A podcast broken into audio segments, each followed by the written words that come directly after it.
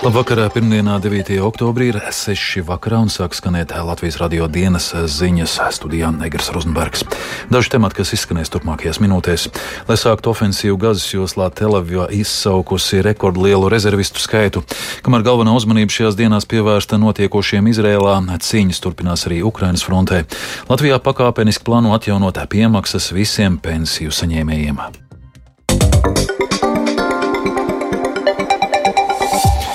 Izraels armijai turpinot cīņu ar islāmistu grupēm Hamas, kas sestdien rīkoja negaidītu uzbrukumu Izraēlai, Telaviva izsaukusi rekordlielu rezervistu skaitu, lai sāktu ofensīvu Gazas joslā. Tā paziņojusi Izraels armija. Tāpat Izraels varas iestādes izziņojušas pilnīgu Gazas blokādi. Tikmēr izlūkošanas aprindās sestdien islāmistu veiktais uzbrukums nodēvēts par pilnīgu Izraēlas drošības koncepcijas sabrukumu. Vairāk stāsta Rustams Šukurovs. Izraēlas armijas preses pārstāvis Daniels Hagarī paziņoja, ka sestdien tika izsaukta 300 tūkstošu rezervistu vienība, kuras mērķis būs ofensīvas īstenošana Gazas joslā. Tāpat Izraēlas armija paziņoja, ka pilnībā kontrolē apdzīvotās vietas valsts dienvidos pie Gazas joslas robežas. Taču saskaņā ar Izraēlas armijas preses pārstāvja teikto, šajā teritorijā vēl var atrasties grupējuma Hamas kaujinieki. Izraēlas armijas runas vīrs arī apstiprināja, ka uzbrukumos Izraēlas robežas pusē tika nogalināti vismaz 700 cilvēki, tostarp 73 drošības spēku pārstāvji. Saskaņā ar Hagarī teikto, Izraēlas armija iznīcināja simtiem palestīniešu kaujinieku. Viņš arī norādīja, ka Izraēlas aviācija turpina dot triecienus mērķiem Gazas joslā, kas saistīti ar palestīniešu islāmistu grupējumiem. Par tālākajiem Izraēlas armijas plāniem arī paziņojis Izraēlas aizsardzības ministrs Jovs Galants, norādot, ka ir devis rīkojumu pilnībā bloķēt Gazas joslu.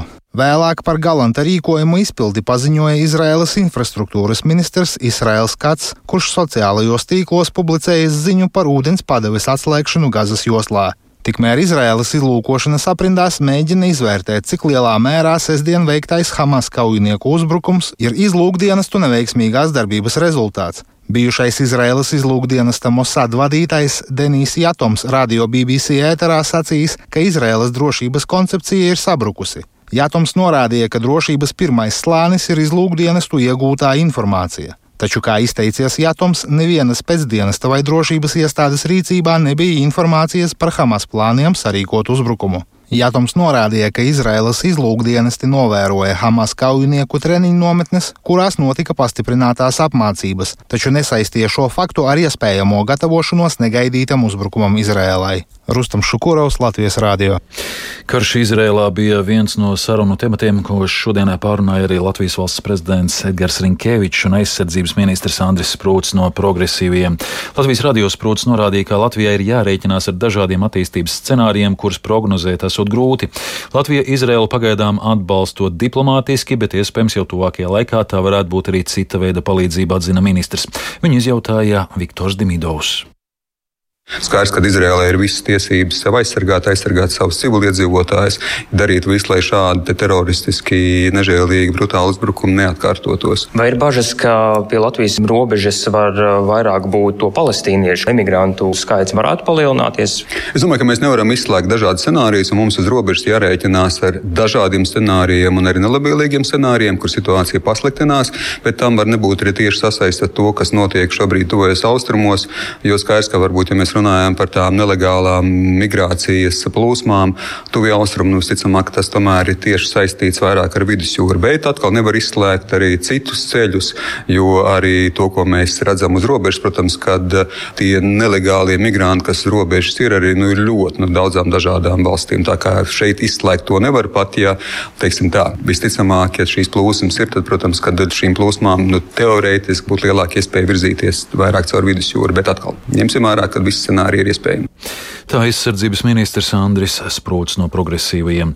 Eskalācija Izrēlā var ietekmēt arī Ukrainu, tā uzskata politisko procesu vērotājs Kristians Rozenvalds. Latvijas radio viņš uzsvēra, ka mums, rietumu sabiedrībai un sabiedrotajiem jādara viss, lai Ukraina nepazustu no mūsu uzmanības un atbalsta loka ka izvēle ar tādu lielu triecienu uzbrukumu izdara to, par ko viņi arī zina sapņojuši ilgi. Tur likvidē visus šos Hamas aizmetņus, ieiet iekšpus gazas sektoru, sāk to visu kontrolēt. Jo tādā nevis kā, kā šobrīd, kad mēs saprotam, ka tas no vienas puses ir Izraels it kā formāla teritorija, bet reāli tur no Izraels varas nekas nav. Tad viņi var iet iekšā un uh, visu sakārtot. To var izdarīt diezgan ātri. Jautājums ir, kāda būs pretestība. Ja? Un arī būsim vēl papildus godīgi, ka šajos apstākļos neviens viņam īpaši neko vairs nepārmetīs. Gadu atpakaļ, ja divus gadus atpakaļ, ja viņas Izraela būtu bombardējusi gazas sektoru, tad visi šausminātos, kā tas tā drīkst būt un tam līdzīgi. Ir mainījusies pasaule, diemžēl, un šobrīd pat īstenībā neviens par to viņiem neko vairs nepārmet. Tad, ja viņi ātri šo lietu sakārto, tad es domāju, ka ka Ukraina joprojām būs pirmajā vietā ziņu lentēs, pēc tam atpakaļ. Ja savukārt tas karš ieaugst, tad, manuprāt, tas ļoti var nākt par skādi Ukrainai. Jo Ukraina var pazust. Ne jau tā, ka pavisam, bet viņi var pazust no tā top situācijas, kur ir šobrīd. Un ne tikai tāpēc, ka būs Izraela, arī tāpēc, ka jau šobrīd tas, par ko runāja Zelenskis, ka cilvēki jau nedaudz sāk pagurt. Arī emocionāli. Un tas, kas mums droši vien jādara, ja mēs negribam to pazaudēt, sajūsdami savu solidaritāti un visā citādi partnerību, mums, protams, būs, būs vēl papildus jāpiedomā par to, kā šo dienas kārtību nemainīt. Tā politisko procesu vērotājs Kristians Rozenvalds. Kamēr šajās dienās galvenā uzmanība pievērsta notiekošiem Izrēlā, cīņas turpinās arī Ukrainas frontē. Krievija nepārstāja uzbrukt civiliem objektiem, stāsta Latvijas radio radio korespondente Ukrainā Indra Sprānce. Vakar uzbrukumos Harkivas, Donetskas un arī Helsonas apgabalā gājuši bojā divi cilvēki, bet vēl 22 civiliedzīvotāji ievainoti. Īpaši bīstama situācija vakar no rīta izveidojās Helsonā, kur pie baznīcas uzsprāguši vairāk lādiņu. Cilvēki bija cieši saspiedušies kopā un viens otru ar saviem ķermeņiem sargājuši. Ievainojums guvuši divi baznīcas apmeklētāji, bet kopumā vakar Helsonā ievainojums guvuši 19 cilvēki, tajā skaitā 12 gadus vecs bērns. Bet uh, viens vīrietis sievietes nogalināts. Paklausīsimies fragment no Helsonas militārās administrācijas pārstāvi Aleksandra Tolkonikova šodien sacītā. Kopumā vakardienas laikā uz Helsonu raidīti jau pat 300 lādiņiem no dažāda veida ieročiem, izmantoti mīnmetēji, artilērija, tāpat arī avio bumbas. Aizdītajā naktī virs Berislavas jau nomestas četras avio bumbas. Šobrīd tiek apzināti postījumi ruinowania da postradali. Hersonā un tās apgabalā joprojām uzturas liels cilvēku skaits. Pilsētā joprojām dzīvo ap 70 tūkstošiem cilvēku, bet apgabalā 173 tūkstoši iedzīvotāji. Evakuēt izdodas tikai nelielu skaitu, jo daudz, diemžēl, atsakās. Indras Prāns arī pastāstīja, ka Ukrainas iedzīvotāji ļoti rūpīgi sako līdz notiekošiem Izrēlā. Ukrainas prezidents Valdimirs Zelenskis esot sacījis, ka pasaules demokrātiskiem spēkiem šobrīd ir jābūt aktīviem un vienotiem starptautisko tiesību aizsardzībā. Savukārt Zelenska padomnieks Mihālo Poduļaks izteicies, ka Hamas rīcība ir uzbrukums globālajai drošības sistēmai un vilcināšanās atzīt Krievijas pilnīgas sakāvis nozīmi ievilkusi pasauli jaunā nestabilitātes laikmatā. Amatpersonas uzsvērušas, ka uzbrukumi Izrēlai notiek laikā, kad notiek diskusijas par jaunām ASV palīdzības piegādēm Ukrainai, un Ukraiņu prāta visiem sabiedrotajiem ir jāpārvar šī vētra un jāpaliek nelokāmiem un vienotiem arī atbalstā Ukrainai.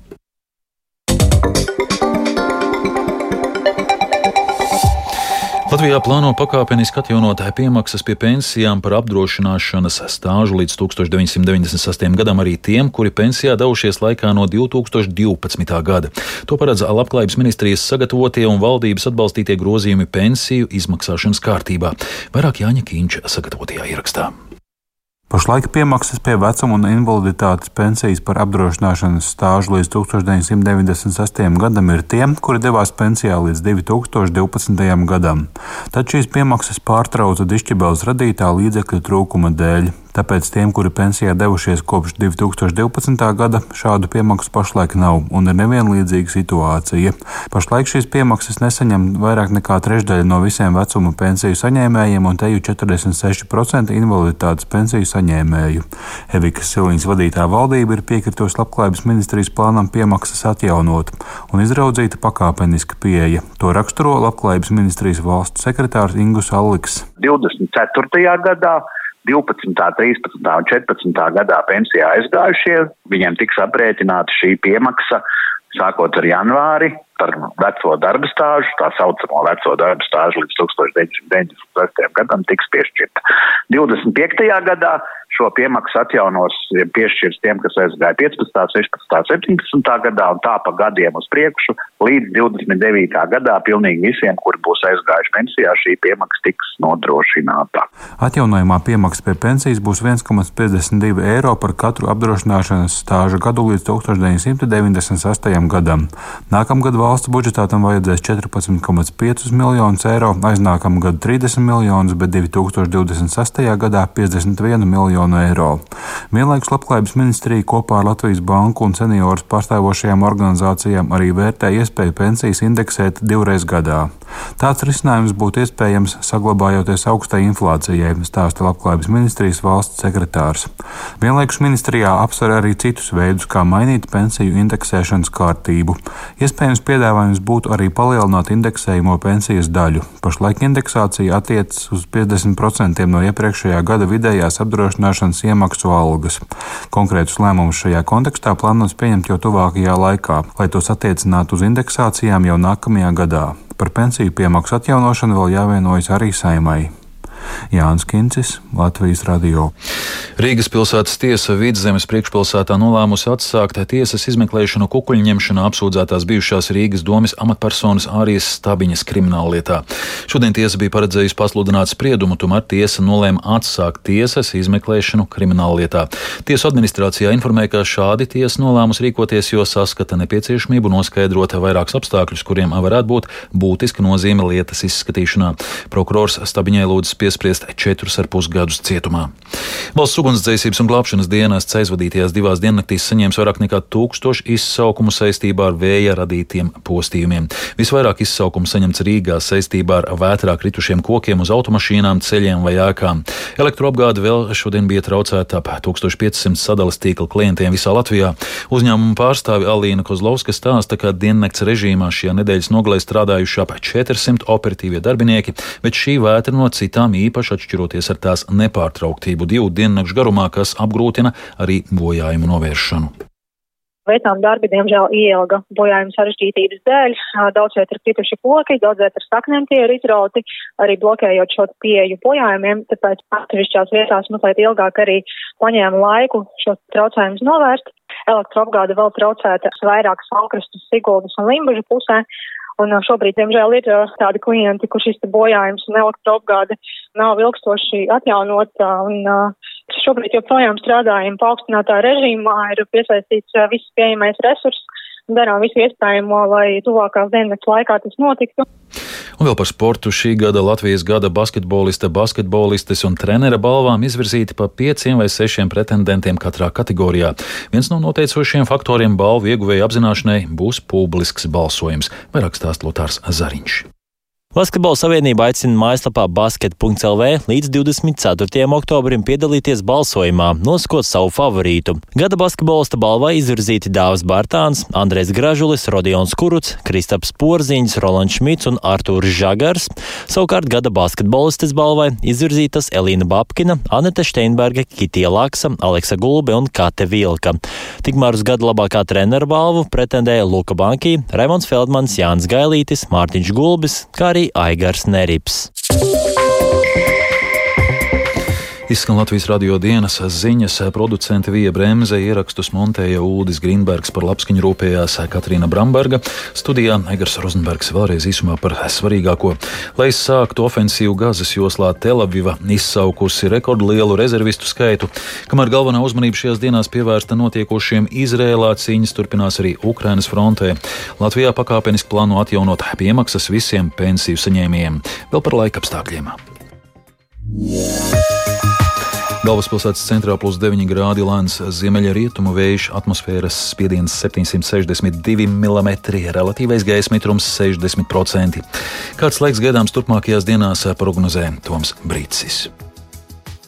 Otradien vējš Latvijā norims, bet no nedēļas vidus atkal kļūs brāzmains. trešdien piekrastē sasniedzot ap 20 metriem sekundē, bet ceturtdien ap 25 metriem sekundē. Bieži gaidāms lietus, taču kļūs siltāks, jo vējš pūtīs no dienvidu rietumiem. Vēl otrdienas rītā daudziet gaidāma salna, bet turpmāk naktīs minimālā temperatūra 5-11 grādi, pēcpusdienās līdz 9-14 grādiem silts, bet trešdien vietām valsts dienvidos līdz 16 grādiem. Sestdien īslaicīgi būs pat vēl siltāks, dažiet līdz 17, 18 grādiem. Tomēr, lai arī silts, nākamajās brīvdienās laiks visticamāk būs vējains.